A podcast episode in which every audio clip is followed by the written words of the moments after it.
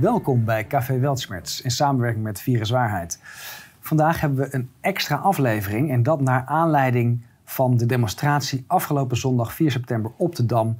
Een prachtige dag, prachtige demonstratie, mooie speeches, gezellige wandeling. Alleen helemaal op het eind gebeurde er iets vreemds. En daarvoor zit Martin hier aan tafel. Hi Martin. Hi Willem. Hi. Alles goed? Fijn dat je hier kon komen. Uh, je bent dezelfde dag nog vrijgelaten. Ja. Vertel even, wie is Martin? Uh, nou, Martin Jansen, uh, 49 jaar. Vader van uh, twee mooie kinderen, lieve familie. Allemaal lieve mensen om me heen. Passief, nou ja, pacifisten. Af, af, en toe heb ik nog wel eens de neiging om erg boos te worden. Maar goed, ik ben gepassioneerd. Het gaat me aan wat er allemaal gebeurt. En dat is de afgelopen drie jaar gewoon een drama. Dus ja, ik leef heel erg mee met wat er gebeurt. Dus je, je komt vaker naar demonstraties? Vaker. Um, zo ook afgelopen zondag. En toen gebeurde er iets. Kan je ons meenemen in, in wat er nou precies aan de hand was? Um, ja, uh, we waren gewoon lekker naar Amsterdam uh, gegaan. Ik ben alleen gegaan. Ik ben wat vrienden tegengekomen daar. Zijn we naar de Dam gegaan. Hebben we een hartstikke leuke uh, wandeling gehad. Hebben daar, we, we, zijn daar gaan verzamelen. Ik heb, dat bord had ik bij me. Uh, we zijn lekker gaan wandelen. Uh, goede, warme wandeling gehad. ik heb gewoon lekker met mijn bord heen en weer gehobbeld. De lucht in gegooid. geklapt, gejuicht, ge gedanst, gezongen, whatever. En het ging eigenlijk helemaal goed. We hebben de hele demonstratie zonder problemen uit kunnen lopen eigenlijk. Nou ja, toen iets van, denk 100 meter of zo, 150 meter van de dam af kwam er een uh, veteraan naar me toe. En die had, uh, oh, uh, ik hoor wat, je moet even, oké. Dus toevallig liepen er achter mij twee agenten. kijken, dat is, dat is de een van. En er was nog een vrouwelijke agent bij. Met hem heb ik een heel gesprek gehad. Ik heb ook uitgelegd wat het bord precies inhield. Maar ik heb in ieder geval gesproken met hem en het uitgelegd. En hij zegt, nou weet je wat... als je dat bord laag houdt, dan is dat prima. Dus ik heb ook vanaf dat moment heb ik het bord gewoon op de grond gehouden.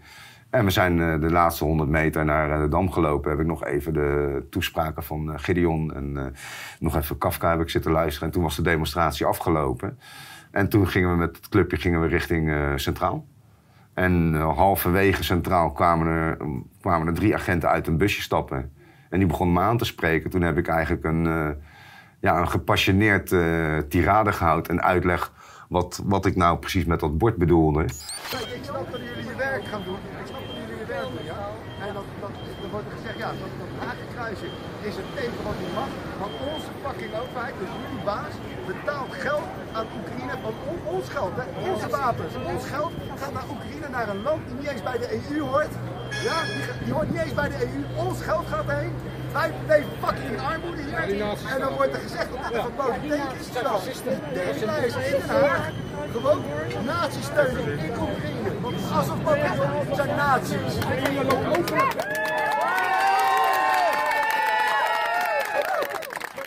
En uiteindelijk mocht ik mijn weg vervolgen. Ik krijg nog een, uh, een box van die agent. En ik loop door. En uh, eigenlijk is er niks aan de hand. We lopen daar zo en in één keer stond er een bus voor mijn neus. En ik word van achter beet gepakt en ik word gewoon geduwd. En in één keer springen er een stuk of vier, vijf van die gasten uit de bus. Ik zie hier nog wat blauwe plekken. Ja. Het was niet... Uh, het is niet zacht, geweest. Nee. Um, en ze identificeerden zich niet. Nee, je, je kon op geen enkele manier vermoeden dat dat politie was. Nee. Want je had net een gesprek met de politie gehad. Twee keer. Ja. Um, wat stond er op het bord? Laten we daarmee beginnen. Want we nou. kunnen het hier zien en dan staat er een heel klein hakenkruisje. Maar volgens mij ben jij geen nazi. Absoluut niet. Ik ben absoluut tegen. Uh, wij hebben, mijn moeder is half Joods. Ik ben half Arabier. Maakt op zich niet uit. Maar uh, wij worden van kinds af aan worden we opgevoed uh, over de Tweede Wereldoorlog. Hoe het nazi-ideologie super slecht is. En je ziet het hier en daar wel terug. Maar we veroordelen het altijd. Mm -hmm. Nou ja, het geeft gewoon een hele nare nasmaak, nazisme. Nou ja, en daar heb ik dat bord op gebaseerd. Uh, tegen er staan ook nog wat andere dingen. Ik kan ja. WEF lezen, ja. Swabinet, Oekraïne. Ik zal het even uitleggen. Ja. Kijk, uh, kan, kan ik een beetje daarin uh, naar, het bord? Ja. Kijk, het begint zeg maar met OB. Het zeg maar gehoorzaam. The World Economic Forum. Nou ja, het World Economic Forum is het Swabinet. Dat zijn onze pannenkoeken die nu aan, aan de macht staan. Dan heb ik eh, zeg maar hier Hunter Biden staan. Hunter Biden is zeg maar de zoon van eh, eh, Joe Biden, de president. Degene die de president speelt. Ja, nou, inderdaad, het poppetje die daar zit. Maar goed, die man die heeft dus nu de macht. Maar die laptop van hem, dat is dus een, een heel spraakmakend iets. Nou, dus nu uiteindelijk is het bekendgemaakt tot het officieel, tot die echt is. Hè, tot, het een, tot het geen hoax is. En op die laptop staan er nare dingetjes op. Waaronder, zeg maar, de, de, de, de, de, de, de handelen van Hunter Biden in Oekraïne. Nou ja, in Oekraïne heb je dus via eh, Amerika, die heeft eh, namelijk toegegeven dat er 46 biolabs zijn. Ehm Rosemont Seneca, dat is een bedrijf zeg maar, van Hunter Biden. En die heeft dan ook weer een bedrijf dat heet Metabiota. Metabiota is zeg maar, een soort, soort van onderaannemer die in Oekraïne eh, zeg maar, die, die, die laboratoria's heeft opgebouwd. En dat weet de NATO, iedereen weet dat, want de NATO zit er namelijk zelf ook in. Die heb ik ook op Victoria het bord staan. Newland, ondersecretaris, die heeft het Die heeft toegegeven. het toegegeven, inderdaad. En Dat, is, dat is allemaal op film terug te. Daarnaast hebben we ook Burisma. energiebedrijf waar Juist. Hunter Biden heel veel smeergeld heeft juist, gekregen. juist. Eh, Newland heeft ook toegegeven dat Jats premier moest worden. Eh, het is één groot nest van corruptie. Maar waarom dan specifiek dat hakenkruis? Nou, Oekraïne is vanuit eh, de geschiedenis is dat een natiebolwerk. Ehm, de Tweede Wereldoorlog, ehm, toen de nazi's zeg maar, Oekraïne binnenvielen, werden ze eigenlijk met open armen ontvangen. Door een deel van de bevolking. Door een hè? deel van, niet door iedereen, maar door een, door een, door een aardige groep eh, eh, mensen. Die zijn, hebben ze met open armen ontvangen. Deze mensen zijn ook, eh, zeg maar, eh, een soort van militie geweest, zeg maar, voor de, voor de nazi's. Zelfs de SS-officieren waren best wel bang voor deze mensen, omdat ze best heel bruut waren. Maar de ideologie is meegegroeid. Zeg maar door de, door de generaties heen. Dus het is er nooit weggegaan.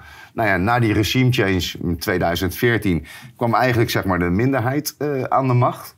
Nou ja, en uiteindelijk zijn dus die mensen van het Azov-bataljon, en zo zijn er meerdere, die zijn daar nu eh, operatief bezig. Die hebben ook een rol gespeeld in de coup, de Maidan-coup, Ja. 2013-2014. Eh, en het is dus niet gek om te zeggen, eh, wat Poetin ook zegt, de denazificatie. De, de, de groep eh naties heeft invloed in het militaire apparaat. Klopt. Die weer invloed heeft en een rol heeft gespeeld in, Ja, in etnische zuivering. in het eh, omverwerpen van het regime wat daar was.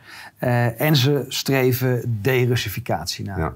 Dus dat was wat jij ook deze agent hebt uitgelegd. Ja. En de tweede keer. Toen liep jij verder naar het Centraal Station. De Ja. demonstratie was over. Jij ging naar huis. En werd je besprongen door een stuk of acht man. Ja, ik werd. eh, nou ja, toen had ik dus nog een andere agent, heb ik nog even mee gesproken. Toen kreeg ik die box, toen mocht ik doorlopen.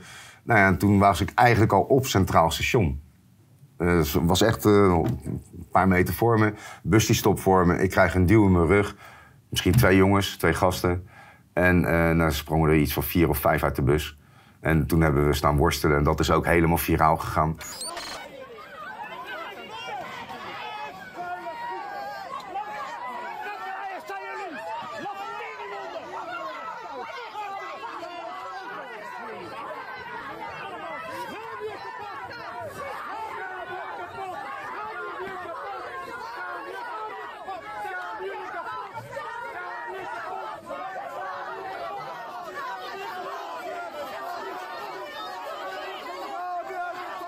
Maar ja, wat ik zo jammer vind, is dat iedereen in één keer valt over dat tekentje.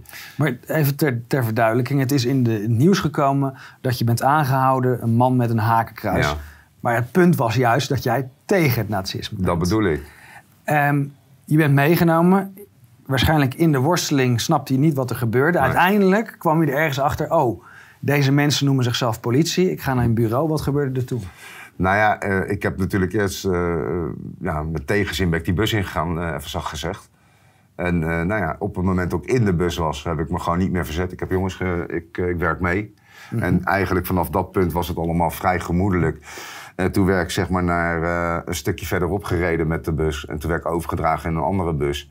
En heb ik daar nog iets van drie kwartier in die bus gezeten. Eh, nou, stop. Toen ik zeg maar nog in die eh, bus zat zeg maar, van de Romeo's, eh, hadden ze knieën op mijn, op mijn hoofd. En ik had allemaal knieën overal. En mijn handen zeg maar achter. En toen hebben ze mijn zakken leeggehaald. Dus mijn spulletjes eruit gehaald. En nou ja, dat hebben ze dan ook overgedragen zeg maar, aan die andere bus. Waar ik, toen heen, waar ik toen heen ging. Dan heb ik daar nog een tijdje gezeten. Eh, toen hebben zij zeg maar, een soort van overdracht gedaan. Maar ja, ik kon via zo'n klein, klein raampje kon ik naar buiten kijken. En eh daar hadden ze allemaal maskertjes af. En ik denk, ach, weet je. maar goed. Eh, er was er, was er eentje die had zijn broek kapot. Die, die, die had meest aan worstelen. En die baalde tot zijn broek kapot was. En ik had echt zoiets van, jongens... Ik stond echt zo bij dat raam, top. Jullie zijn echt geweldig. Maar goed, anyhow overdracht is geweest. Eh, ik ga met die andere bus eh, word ik naar eh, het cellencomplex op Schiphol. Nee, ehm eh, Bijlmer word ik gebracht. Cellencomplex Bijlmer. En daar word ik ingeleid en dan krijg je zeg maar zo'n mugshot. En eh, moet je, al, nou ja, allemaal nieuw Ik voor ken mij. het helaas, Ja, ja. jij wel, maar het was echt nieuw voor mij. Dus ik had echt zoiets van, nou, ik stond er een beetje met een grijns. Ik wist ook niet hoe ik, hoe ik naar die camera moest kijken. Ik denk, nou, het zal wel. Eh, nou ja, dat is gedaan. En toen moest ik mijn spulletjes inleveren. Dus, eh, Dan gaan ze, zeg maar, dan gaan ze je spulletjes in een zakje doen en dan moet je vertekenen. Maar door al die hectiek en die adrenaline is, is, zijn er een paar dingetjes waren mij ontgaan. Nou ja, dus... Oh ja, ik heb, mijn telefoon heb ik uitgezet op het moment dat ik hem zeg maar, moest inleveren. Dus dat ging in het zakje samen met de andere spulletjes. Eh, nou ja, dan word je geleid naar een cel en dan moet je daar even wachten. Nou, heb ik een gesprek gehad met een OM-mannetje, denk ik, of zo. Of, eh, Officier van Justitie of eh, hulpofficier van Justitie. Die heeft jou je rechten voorgelezen. Heeft hij ook duidelijk gemaakt waarvan je wordt verdacht? Ehm, dat weet ik even niet meer. Maar hij heeft me in ieder geval een formulier gegeven met wat er nou aan de hand was. Hè. Zo van, nou, je bent nu verdacht, bla bla bla. Dan krijg je zo'n formulier. Heb ik niet eens gelezen, maar goed. Ik heb even met hem gesproken. Hij zou een belletje doen. En of ik misschien dan vandaag, die dag nog naar huis toe kon. Maar voor de rest heb ik niks meer van hem gehoord. Moest ik naar een andere cel toe. Ben ik naar boven toe gegaan. En daar heb ik een tijdje in de cel gezeten. En eh, daar mocht ik, mocht ik wachten. En eh, toen heb ik even gewacht nou ja, ik denk vijf uurtjes of zo. En toen eh, zijn we naar beneden gegaan. Toen is- er dus dat procesverbaal opgemaakt. Heb je het procesverbaal meegekregen? Nee. Ik heb er wel naar gevraagd, maar die, heb ik, nee, die krijg je niet. Opmerkelijk. Hè, wat we dan kunnen speculeren... want ze zeggen misschien verzet bij arrestatie... maar er moet wel eerst een reden zijn voor de arrestatie... Ja. is het beledigen? Of, ik, ik, ja, ik weet eigenlijk Hmm. niet wat het is... want we hebben ook foto's van een andere demonstratie van GroenLinks... Ja.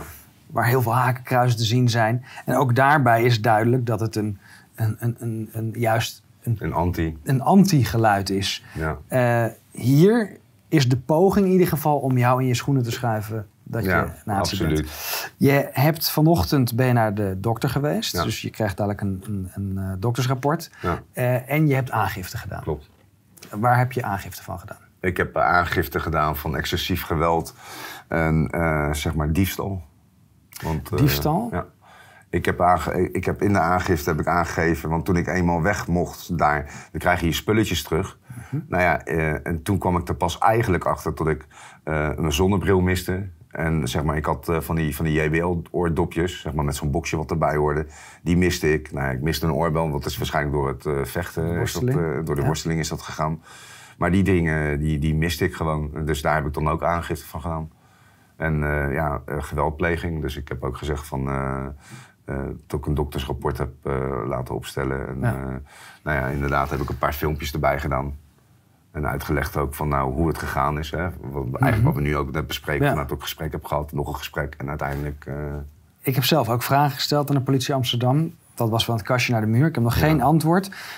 Het lijkt erop dat dit uit een ander, andere commandolijn komt dan de politie die de demonstratie begeleidde.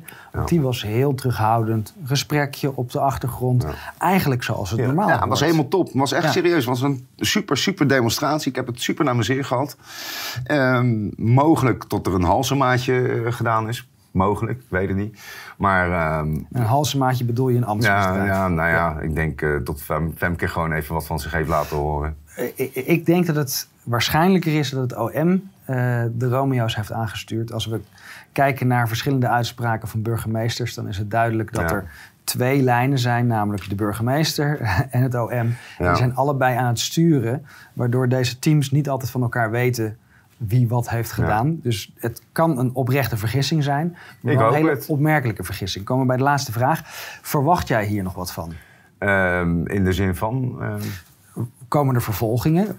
Denk jij dat je idee. zelf wordt vervolgd? Worden deze Romeo's vervolgd? Nou, ik denk niet dat er die Romeo's vervolgd worden. Wat wel grappig is, eh, de enige Romeo die, die ik heb kunnen identificeren was nummer 20. Want die heeft namelijk die overdracht getekend. Dus ja, als, als ik mijn spulletjes... Ik heb ook een oproep gedaan, hè, zeg maar op Twitter van jongens, ik wil graag mijn spulletjes terug. Maar goed, ik verwacht er eigenlijk niet zoveel van. Ik denk dat ze me inderdaad toch mo- voor moet komen. En, of een geldboete gaan krijgen of, of iets. voor een... Nou ja, dit is niet eens een, een, een hakenkruis, want er zitten ook, zeg maar, dingetjes. Dus ik denk niet eens dat ze echt een zaak hebben, eerlijk gezegd. Maar goed, eh, ze proberen het, denk ik. Ik ga in verzet en dan gaan we kijken wat er gaat gebeuren. We gaan het volgen. Ja, ik, ik ben heel benieuwd. Dankjewel, Willem. Dankjewel.